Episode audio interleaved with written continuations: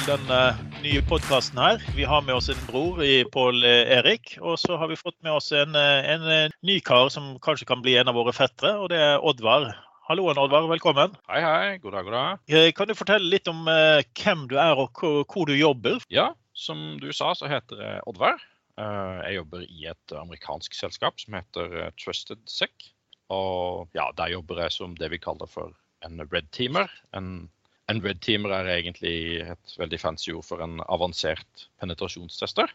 Og en, eh, en avansert penetrasjonstester han uh, prøver å egentlig på bestilling å bryte seg inn i en bedrift uten at uh, egentlig alarmene går hos kunden. Da. Så ofte så blir vi leid inn for å, å teste om om responsen deres fungerer. Det blir litt som en, en brannøvelse, egentlig. Eh, så du er kanskje på, på den gode siden eh, i dagens trusselbilder. Så er du, selv om det høres ut som det du driver med er eh, det samme som de som kanskje ikke har så gode intensjoner, men, men, du er da på den motsatte siden og så gjør dette her for å avsløre ting før noen fra den feile siden finner samme svakheter? Yes, så jeg prøver jo egentlig, min jobb er egentlig å prøve å etterligne de slemme så mye som mulig. Sånn at uh, kunden er rusta så godt som mulig når en slem en faktisk angriper dem. Det er litt som å, å være, få lov å være kjeltring, men du er en lovlig kjeltring. Hvis du kan si det fint. Uh, men siden du er en red teamer, har dere noen andre begreper i fargeskalaen her, kanskje? Ja, vi har, vi har red team, og så har vi noe som vi kaller for et blue team. Et blue team er da gjerne det laget som sitter hos kunden og følger med på overvåkinga og ser på sikkerhetsalarmer og aktivt øh, reagerer på hendelser. Så har vi det vi kaller for purple team, og det er gjerne en øvelse man gjør sammen med rød og blått. Derav fargen lilla. Uh, og da er det typisk at, uh, at de som sitter i forsvar, sitter og ser på, ser på, loggene, mens de som sitter på rød side, angriper. og De sitter gjerne i samme rom og diskuterer og snakker og prøver å bygge bedre deteksjoner og bedre responser. Da. Så det er mange forskjellige farger. ja, Hender det ofte at dere eh, finner noen skikkelige svakheter, eller er det, mer, eh, er det bra sikkerhet for tiden? Det finner vi alltid. Uh, som regel så de, Det er veldig sånn avhengig av kundesegment, da, men det er klart i en sånn kundesegment Fortune 100-selskaper, så er gjerne sikkerheten godt ivaretatt. Uh, når det er litt sånn andre typer kunder, så er det veldig variert. Noen har jo uh, Vi har jo på en måte hatt angrep direkte fra internett inn på server på innsida, der de har hatt port 445 eller SMB åpent, f.eks. Folk som ikke har MFA på, som gjør at du kan bare få tak i brukernavn og passord, enten med å sende en SMS til en bruker, uh, og på den måten bare hoppe inn på VPN og inn på innsida. Altså, det er mange, mange forskjellige scenarioer. da. Vi finner alltid noe, stort sett, vil jeg si. Det er, vel, det er vel et stadig økende fokus på sikkerhet, spesielt nå når folk jobber fra litt forskjellige steder og ikke sitter på ett sted lenger. Ja, absolutt. Og det ser en jo. Det her med folk flytter ut i skyer, ikke sant. Er sikkerheten ivaretatt? Blir det, det blir plutselig andre ting de må tenke på, ikke sant. Så det Mm. For Det er jo et spørsmål vi ofte får. det er jo eh, Når folk skal flytte til skyen, så spør de gjerne ja, men er det trygt da, eller er det like sikkert som, som on premise? Nei, det er jo alt avhengig av hvem som konfigurerer og hvem som setter opp det. Så det, du kan jo gjøre feil der, som du kan med miljøet ditt på bakken. holdt jeg på å si. Det er vel ikke noe verken riktig eller feil svar på det, men eh, jeg syns generelt sett at skyene øker sikkerheten, iallfall. Sånn generelt sett, med mindre du gjør noen heftige plundrer. Da. De har vel gjerne en tendens til at en leverandør vil jo kanskje da være flinkere til å beskytte den tjenesten de gir ut. altså Hvis du går for et, et økonomisystem i, i, skyen, så vil jo de i hvert fall være sikret på sin beste måte. Men hvis du hadde kjøpt samme system og satt opp og steg, så er det ikke sikkert du hadde sikret det fra den vinkelen som trengs å uh, sikres på. da. Nei, ikke sant. Så det blir jo veldig sånn når du setter opp en tjeneste internt i et nettverk, så, så eksponerer du jo både hele serveren, men også alle tjenester rundt. Og det er klart, Når du kjøper en, en skytjeneste, så er det jo gjerne bare den ene tjenesten som blir eksponert på den ene porten, f.eks.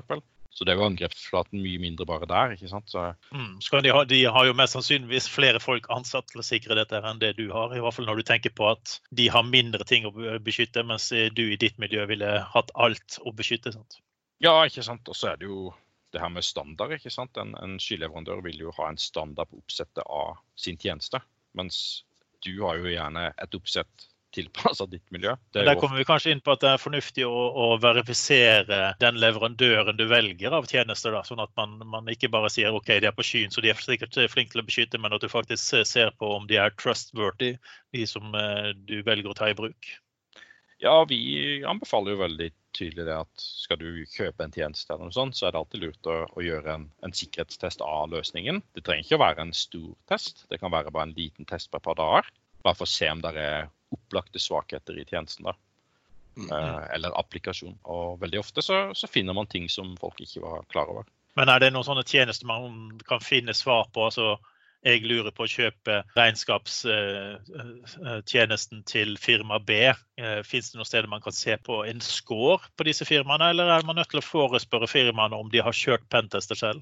Som regel så forespør man, og andre har jo interne krav om at de skal utføre penetrasjonstester av løsninger de innfører i produksjon. Men veldig ofte så har de jo de skyleverandørene har jo gjerne krav på seg i forhold til forskjellige sertifiseringer de må ha, sånn ISO-sertifiseringer og sånn, der det ligger at de må bl.a. ha en, en, årlig penetrasjonstest eller PCI-test eller forskjellige typer tester. Et, et, uttrykk vi hører mer og mer, og som sikkert du hører en del, det er jo dette med zero trust. Oh, yes. Ja. Når vi snakker om eh, mange av oppsettene våre i skien, så er jo zero trust en av de tingene vi, vi hører en del om. Og folk ønsker å vite mer om. Så jeg antar det er litt det samme for deg? Ja, Zero Trust er jo, eh, det er jo et veldig interessant tema som, som jeg syns har blitt veldig hot de siste, de siste året, egentlig. Jeg syns ikke det har vært så veldig på radaren før. Det har vært litt sånn det har vært der hele tida, tror jeg, men jeg tror på en måte ikke det har hatt navnet Zero Trust. Uh, I hvert fall ikke sånn som man ser uh, folk snakke om det. Vi har jo alltid hatt, sånn som Microsoft har jo alltid hatt uh, det her de kaller for Red Forest-begrepet. At de har en egen AD-skog der de administrerer ting. Uh, og Der er jo prinsippet at du på en måte ikke stoler på noen ting. At alt på en måte skal være isolert. da. Så uansett uh, så skal du ikke stole på noen ting. da. Og Det er jo prinsippene på Zero Trust. At du har du en skytjeneste, så skal det ikke, for det om det sier det trygt, så skal du på en måte ha zero trust uansett på alle soner, alle vinkler, overalt. Men, nå går det vel kanskje litt på det at eh, i, i, de litt mer moderne tider som vi er inne i nå, så har eh, faktisk brukervennligheten i en del av disse systemene blitt sånn at det går an å implementere det. Det er vel kanskje det som er forskjellen nå, at Før var det nesten ubrukelige systemer når det skulle være zero trust, uh, trust mens nå så begynner det faktisk å bli mekanismer tilgjengelig som gjør at du kan kan si at ja, du får komme inn med MFA, du får komme inn på trøstet maskin, og hvis du ikke har disse kriteriene, så blir, blir du spurt om de neste nivåene av sikkerhet. Og det, det, er ikke så tungvint som det en gang var. Det er sant. Det har forandra seg ekstremt. Nå tenker jeg på hvordan det var før. Bare ta sånn teit eksempel som la oss si RMS, da, der du på en måte beskytter innhold. Uh, jeg husker jo før hvor, hvor vanskelig det var når du hadde bare on premise-miljø. Altså Du måtte jo federere i hytt og pine, og det var ikke måte på du holdt på i dagevis bare for å få det til å fungere. Men i dag så er det jo bare et par klikk, og så er du på kjøret, og så funker det for alle. Det er jo, det er jo magisk. Det har jo blitt mye bedre, for hvis vi, vi ser tilbake igjen, så begynte man jo med eh, RMS, altså Right Management Services. Eh, for å beskytte musikk var liksom det, det, første folk opplevde. Det var at ok, du kan nå få lov å kjøpe online istedenfor å gå på Napster. Så kan du kjøpe musikken din online. Eh, men problemet var at den var RMS-sikret på en måte som gjorde at han kunne kun spilles av på visse typer utstyr, krevde ditt og krevde datt. Eh, så veldig mange fikk jo et veldig negativt opplevelse av eh, rettighetsstyringer på den nivåen, med krypteringer og sånn, sånn type ting, bare fordi det kom da det var umoden. Så det gikk lang tid før du klarte å bevise folk at ja, men right management er jo faktisk ikke så gale som man skal ha det til. for Nå kan du bruke det på hvilket som helst device, og det fungerer. Ja, Det er klart at eh, det har ofte vært drevet av eh, produsentene sitt ønske om sikkerhet og trygghet og tjene penger, og ikke så mye på eh, hvordan forbrukeren opplever dette. Den DRM-saken som du nevnte nå, det var jo egentlig en forferdelig opplevelse for nesten alle. Men det var jo frykten for å tape penger som gjorde at det ble sånn. Når musikk ble veldig tilgjengelig på internett og folk kunne løste det ned fra hvor som helst. Ja, Det ble jo den evinnelige kampen om, om er teknologien moden nok til å ta i bruk for det han skal brukes til, eller vil han faktisk være en eh, brems istedenfor? Ja, Information protection, eh, som vi snakket om her, eh, altså den videreforedlingen av RMS, da, som har blitt en skytjeneste, har jo blitt bedre og bedre. Men det er jo et det er en work in progress, føler jeg. Mye er sånn at ja, det kommer snart, eller ja, det jobber vi med. Så det er jo noe vi må sette oss Når vi jobber med skien, så blir det jo veldig sånn Det er jo egentlig et sånn langt lang preview alt sammen, føler jeg. Og det er ikke bare Microsoft. Nei, og du ser jo det på alle skytjenester. Altså, det, jo, det kommer jo nye ting hele tida. Uh, og det er jo oss som jobber med IT, vi, til og med vi sliter jo med å følge med på alt. Altså, det, Mm. det er jo så mye at uh, jeg har valgt å bare fokusere på enkelte ting. For jeg, jeg klarer ikke å holde meg oppdatert. Og når jeg trenger det, så må jeg bare slå det opp og sjekke og lese. Mm. Det er nesten vanskelig å være Du kan ikke være ekspert på alt lenger. Uh, I gamle var, dager så kunne man det. ja, det var litt, litt lettere når folk eh, når det var, kom, Nå kommer Windows Server eh, 2008. Ja. Kjempeflott. Da kommer det, og så leser du boken, og så kan du det. Men nå er det mer sånn flytende grenser. Sant? Det er nye updates hele tiden. og du må være Skal du holde deg oppdatert på alt, så tror jeg ikke du kan ha noe særlig liv utover det. da. My, mye av det du allerede har satt deg inn i, blir plutselig endret på og flyttet i tillegg til alt det nye. Sant? Så det er en sånn evinnelig kamp om, om tingene. Så det, det er mer å ha et generelt oversiktsbilde, og så må man dybde på de områdene man eh, har lyst til å være flinkest på, tror jeg. Jeg, tror det, det som jeg syns er mest skummelt nå, det er det at eh, mange hopper nå rett ut i skyen. Eh, og syns at det er spennende og flott. Mens jeg alltid har sagt, og det tror jeg du er enig med, Oddvar, at man må tenke sikkerhet før man eh, gjør noe som helst eh, endringer, da, eller migrerer ut i skyen, f.eks. Ja, det er jo absolutt viktig. Det har jo vært nok av skrekkeksempler på kunder som har gjort flytting til skyen og tenkt at de er sikre, og så har de egentlig bare åpna en stor vei inn i nettverket deres. Så det, det er skummelt. Det er det. Eller ikke skummelt, men eh, det er ting man må tenke på. Man må gjøre ting riktig i riktig rekkefølge. Så, Mm.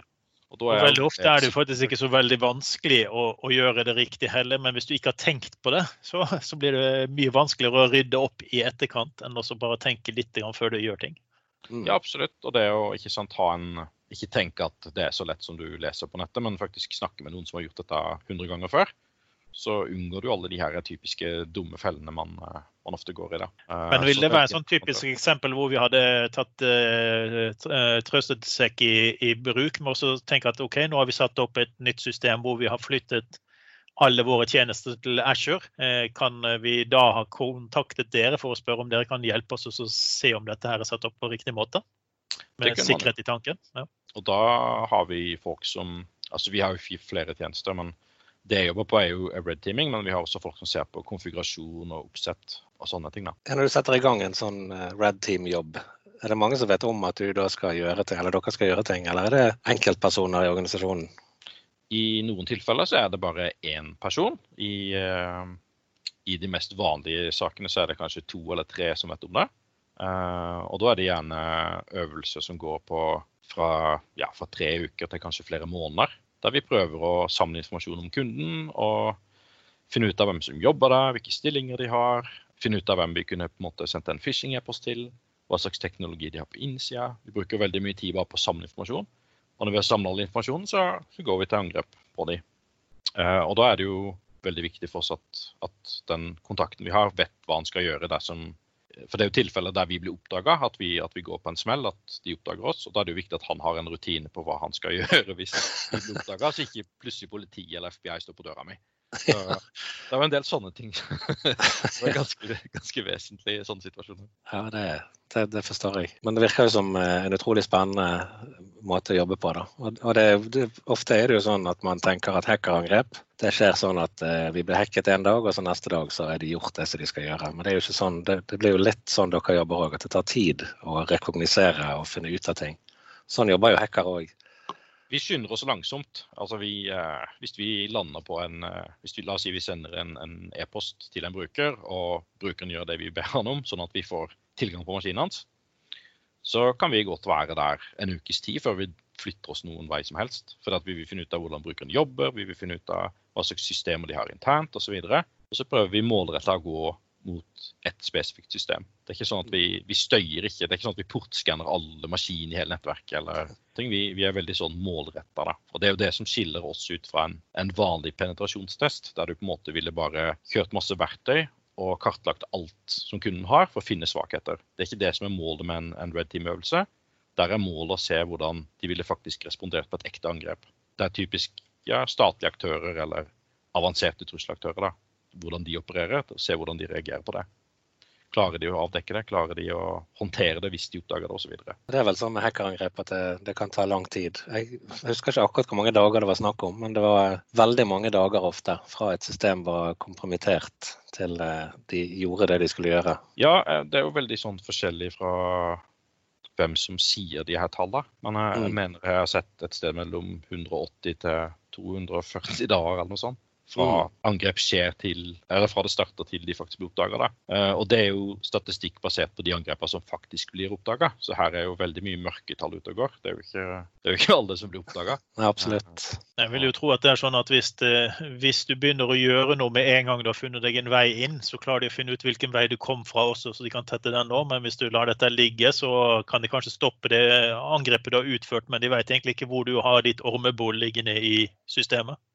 Nei, ikke sant? det er jo det, det, er det som er clouet. Å på en måte være veldig forsiktig. For at hvis du lander på en boks, og det første du gjør, er på en måte å vet ikke, prøve å ta ut passord på den maskinen, da. Det er jo noe som støyer veldig. Eller hvis du prøver å la oss si du prøver å snakke mot domenekontrollene da, og finne ut av hva som skjer der, Mm. så vil du på en måte være noe som er unormalt i nettverket, og da øker du sjansen veldig for at du blir oppdaga. Så du må være veldig, veldig forsiktig. Og, og veldig ofte i sånne øvelser så får man gjerne et spesifikt mål før man begynner. Det kan være at f.eks. Uh, prøve å komme deg inn på postboksen til eh, han som styrer sjappa, direktøren. Eller det kan være prøve å komme inn til det hemmelige området vi har, bak en ekstra firewall i en ekstra sone. Der står det en server med noen hemmelige filer. Prøve å komme inn dit, bevise at du har vært der. Så da er det jo triks å jobbe veldig målretta mot de målene. Det er ikke nødvendigvis det å bli domeneadministrator som er målet i en sånn øvelse. Målet er ofte bare å stjele data. Mm. Eh, Vi vet jo at nordmenn er veldig flinke til å ta i bruk ny teknologi. Men eh, hvordan er vi egentlig når det gjelder denne typen ting? Eh, Er vi flinkere til å sikre? Er vi midt på treet, eller er vi dårligere enn det du egentlig ser andre steder? Eh, Det jeg kan basere det på, er jo min karriere som pentester i Norge kontra det halvannet året jeg har jobba nå i USA. Og det jeg ser, er jo at det er like dårlig. Og det jeg ser, er jo at overvåking er vel kanskje der vi eh, er dårligst i Norge. Det å på en måte avdekke noe. eh, og det er jo veldig ofte jeg har gjort penetrasjonstester i Norge der jeg har eh, hva skal jeg si, prøvd å knekke passord på innsida. da. Noe som støyer ekstremt. Altså Dvs. Si flere tusen pålogginger innen noen få minutter. Gjentagende. uten at det har gått en eneste alarm. Eh, Og det er jo ikke sant, sånne ting som det er jo sånne ting man burde oppdage, da, mener jeg. Ja, det er jo skummelt. Ja, og det, og det er vanlig, ikke sant. Så Mm. veldig ofte så kunne man bare Du trengte ikke være veldig stille. Du kunne egentlig bare støye når du pentesta et selskap i Norge.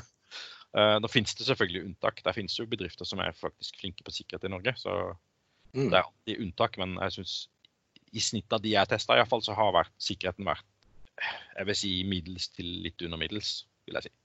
Mm. Det Det er jo egentlig det man ser i i trenden nå, er jo egentlig gå- begynt å gå over til at først nå begynner man å se på funksjoner som uh, Azure ATP, Sentinel og den typen ting som samler inn denne typen informasjon og kan lage reaksjoner for deg. Så det er jo egentlig ganske trenden i tiden at først nå har man begynt å tenke på at vi må overvåke systemene som kan bli misbrukt. Ja, og jeg har jo sagt dette i alle år, at dette er jo noe du burde ha på plass. Overvåking, overvåking. Finne ut hva som skjer i nettverket ditt. Du har jo ikke kjangs til å vite hva som skjer hvis ikke du ser hva som skjer. Og det er jo ofte typisk når du slår på lo- sikkerhetslogging for første gang hos en kunde. Så er det akkurat som en flodebølge som kommer inn, og de bare får helt panikk. Ja, så Så, blir de så redde at de slår alt av igjen. ja, det er nesten sånn. Så det er utrolig gøy. Mm. Jeg synes det er så vittig eksempel. eh, Det, det er jo gammelt, alle har sikkert hørt det, men dette med MFA for administratorer når de går til eh, Office 365. Hvordan det var 1,8% av de tenentene tenantene som var i bruk, som hadde satt på MFA for administratorer i 2018. Og i november 2019 så var det 8% Og Det sier jo litt om, om sikkerhetsstatusen rundt om i verden. For det er, det er noe av det enkleste du kan gjøre. Ja? Når du ikke har gjort det, hva har du da ellers ikke gjort, tenker jeg. Nei, jeg blir litt skremt. Eh, det er litt skummelt. Jeg mener jo Mm. vi som, alle som jobber med IT, vi, eh, vi jobber alle med sikkerhet. Uansett om du er en administrator, helpdesk eller hva du er, så, så burde sikkerhet på en måte være i ryggmargen din uansett. Så det, det er litt skummelt, og vi, vi må gå frem som gode forbilder, tenker jeg. Ja. Mm. Bruke rett og slett eh, ressurser som kan sikkerhet. Ja, stole litt på de. og ikke, Du skal ikke være superparanoid, men man burde i hvert fall være litt paranoid, tenker jeg da. Ha litt, Mm. Litt fokus på det. Um, Ja, så når, når, når man glemmer basistingene, som f.eks. MFA, som kan være redningen for veldig mye, så, så er det liksom litt gale. Så vi må i hvert fall sørge for at man kjenner til de enkle metodene som kan spare deg 80% av eh, utfordringene dine. Sant? Mm. Så har du Ja. de som setter opp MFA, og så sier de ja, men vi har denne servicebrukeren, han kan ikke bruke MFA. Og så har vi, ja, vi har han, og så han kan ikke bruke MFA. Og så plutselig er det flere unntak enn enn du har gode tilfeller. Så blir det jo enda verre, nesten. ja, så er jo en av de servicekontoene ikke skifta passord på siden 1998, så det er. Logging på, logging på servicekontoen din er jo et nøkkelord der også. Da, sant? Altså, for man har jo gjerne noen brukere. altså En av de tingene jeg tenker på, det er jo det at eh, hva hvis ma- eh, Azure MFA-en ikke virker og du må komme deg inn? Eh, Da må du ha en, eh, ha en måte å komme deg inn på. Da kan du være en av disse globale adminene som da er lagret i en, eh, en safe, men da, da må man i så fall sørge for at man har satt på logging med all aktivitet med de kontoene. Helt riktig. Det vi kaller for en eh, break the glass-admin. Og det, det er det veldig mange som har. Og da er det veldig lurt som du sier, å sette på logging, sånn at den brukes, at alarmen faktisk går. Ja. Ja, det ja, for uansett om man blir vellykket eller mi- mislykket, så skal du faktisk vite at denne har noen, noen har break the glass. sant? Så, ja. Absolutt. Så det skal du absolutt få alarmer om. Og det er vel en del av, eh, Når du leser veiledningen fra Microsoft, kan du sette opp en sånn emergency account, så er det jo en av tingene de skriver, at du skal sette opp logging. Så Ja. følger du guiden, så gjør du det rett. Det er nettopp det, da. Men uh, problemet er at det er ikke alle som leser den guiden, tydeligvis. Nei. Nei, Det er vel sånn som med deg når du setter opp Ikea-skap, uh, på Erik. Jeg leser aldri den veiledningen, og det blir stort sett greit å sage litt her og bygge på litt Følger Føler du der. med veiledning? Det er ikke To pils og godt humør, så går det alltid greit, tenker jeg. Ja, ja. Det er ikke sikkert det var et skap du kjøpte egentlig, sant? men eh, det ble nå et skap til slutt. Det var kanskje den nye sengen. Så, ja. Samtidig så er ikke det så farlig om folk bryter seg inn i kommoden min. Det er verre hvis de gjør det med serveren og skyløsningen min. Jo da. Men eh, mitt poeng her er jo det at vi, vi, vi er veldig like eh, i tankegang på mange områder. At eh, guider Nei, dette her kan jeg, så jeg setter det opp sånn som jeg vil. Og så går de glipp av de der små lure tipsene som kommer inn i denne guiden, som eh, sier ikke bor eller skru i stykker disse platene. sant? Mm. Så er vi jo eh, litt i Norge så er vi jo litt kjent for å være blåøyd. Vi stoler jo Mm. gjerne på ting. Mm. Eh, vi tror det beste om alt. Det beste eksempelet er jo Vi har jo begynt å siste halvannet året å, å sende phishing med SMS istedenfor e-post. Og det, det Det fungerer veldig mye bedre. Fordi at folk stoler på det. Så hvis du sender en SMS, og spesielt i Norge, der kan, vi, der, der kan du spoofe hvem som sender. Så der kan du få det til å stå hva som helst istedenfor telefonnummeret. Så der kan det stå f.eks. Posten eller politiet eller Skatteetaten eller hva som helst. Uh, og, da, og da stoler folk på det. Uh, og hvis du da i tillegg har en fancy logo på landingssida som de klikker på, så ja. Ja, vi er, vi er nok litt naive. Dessverre. Men vi er vel vant til at folk stort sett er snille. Men det er jo ikke, det er ikke alltid sånn det er i virkeligheten. Nei, ja, det, dessverre. Så det er jo et uh, godt tips å ikke alltid stole på SMS også. Sjekk, sjekk linken. Skriv gjerne inn linken istedenfor å klikke på det. Og nå er jo smarttelefoner så avanserte at uh, de kan bli hijacket. Sånt, Så Ja, absolutt. eh, masse muligheter. Sant? Både det at du taster inn ditt brukernavn og passord er én ting, men det er også det at de kan overta devicen din, som igjen har en VPN-klient inn til systemene du har på jobben. Nå er jeg litt heldig i disse tilfellene her, for jeg, jeg er jo Jeg kjenner jo deg, Olav, så jeg vet jo det at du kan ikke stole på folk. Men eh, for, for andre så har vi altså ett råd. Vær forsiktig. Ikke stol på alt du leser. Ikke tro at det nødvendigvis er banken din som skriver at det er banken din. Så tror jeg også Et av de tipsene vi må ta med oss, her, det er det at eh, vi trenger eh, vi, vi trenger dessverre sånne folk som deg, Oddvar. Ja, dessverre. Eh, Ja, så for at, det, det er viktig at vi kan faktisk få verifisert til en viss grad at vi, vi har satt det opp så godt vi kan, og at vi ser hvordan et angrep typisk vil være. Så det å kunne få en, en redd timer inn og hjelpe oss litt med å se svakheter og lære oss opp i ting som vi bør ha øyene på når vi sitter med dette, her, er jo kanskje det, de beste tipsene vi kan få. Ja, så er jo bedre å få noen du stoler på til å finne svakheter i systemet ditt, enn de som faktisk bryter seg inn. Ja, for det, altså, det er jo nesten sånn, altså, Selv om du har satt opp et sikkerhetssystem, så blir det jo egentlig sånn at uh, du satte opp et nytt produkt som du fikk en beta på. Og så sitter du der, ja nå er det installert, men hva skal vi gjøre, hva skal vi se etter, hvordan skal vi teste dette ut? Og Det er jo kanskje litt der dere kan komme inn og så faktisk hjelpe oss med å ha øynene oppe på de eh, rette type aktiviteter og lære oss eh, hva vi skal se etter. da. Det er som alltid sier til kundene, du, du har backup, og det, backupen er ikke gyldig før du har testa den. Det samme burde gjelde sikkerhetsprodukter. De burde ikke være gjeldende før du faktisk har testa dem, at det funker. Hvordan vet, vet du at antivirusen fungerer når ikke du tester den? Altså, du må, du må teste ting. Verifisere. Mm. Der er et spørsmål til deg, Oddvar. Ja.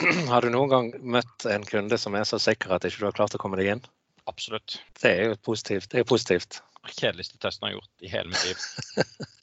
Ja. ja, men det er jo litt spennende. Det var Uansett hva jeg gjorde, så ja, oppdaga han det. Altså sånn helt merkelige ting. Til og med eksterne ting. Og det, det pleier nesten aldri å skje. Så det Det var var, her i sted når du prøvde å komme inn på PC-en min, det var det ikke den? Nei, den har jeg vært inne på for lenge siden. Jeg tuller. Du kan ikke ha Oddvar er kul som passord, Olav. Det skjønner jo du òg. Ja, men det, altså, det, det er jo ingen som vil tro at det er et passord. Det er det første Oddvar prøver alltid. Ja, absolutt. Nei, men det finnes kunder der ute som, som har fokus på det, og, må ha fokus på det, og er veldig flinke. Men det har vært kunder som har hatt de kravene som også vi har klart å bryte oss inn på. Så det, det er litt begge deler. Men det har skjedd at det ikke har kommet inn, ja. Absolutt. Ja, men det er kult å høre. Og det var ikke din PC, Olav. Nei, det, det var ikke så kult å høre. Den, vi er alle inne på den. Ja, ja, ja. Men det er, jo bare, det er jo bare honeypotten min, så den er jo satt der for å lure dere. Så nå er jeg faktisk inne på dere sine systemer.